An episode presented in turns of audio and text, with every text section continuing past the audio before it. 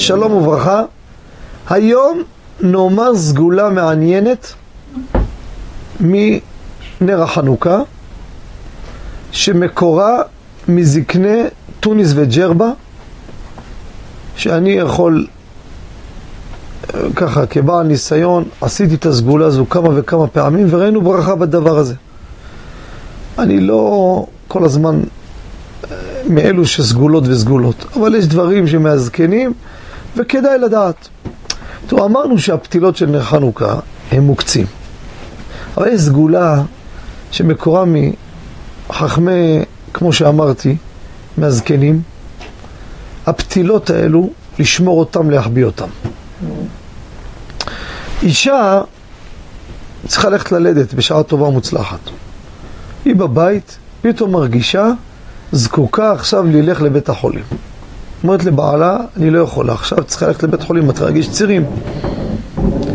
לפני שתצאו לדרך, להכין מראש, קחו פחית של חמוצים וכדומה ריקה, להניח בה בפנים את הפתילות האלו ולהדליק אותם.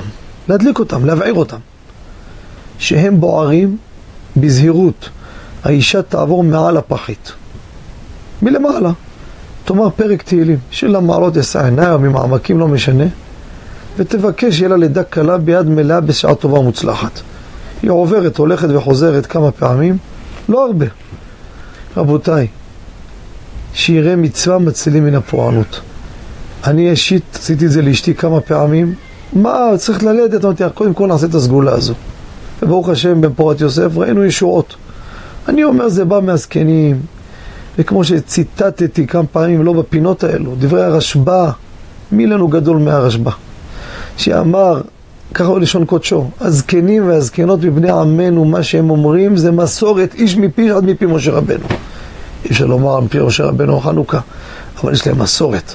שאני לא מוצא מקור. אין, זה לא בסתם. אם זה נגד ההלכה לא נקבל, אבל לא. לכן כדאי לדעת את זה, להשתמש בזה, ותראו ברכה והצלחה. תודה רבה וכל טוב.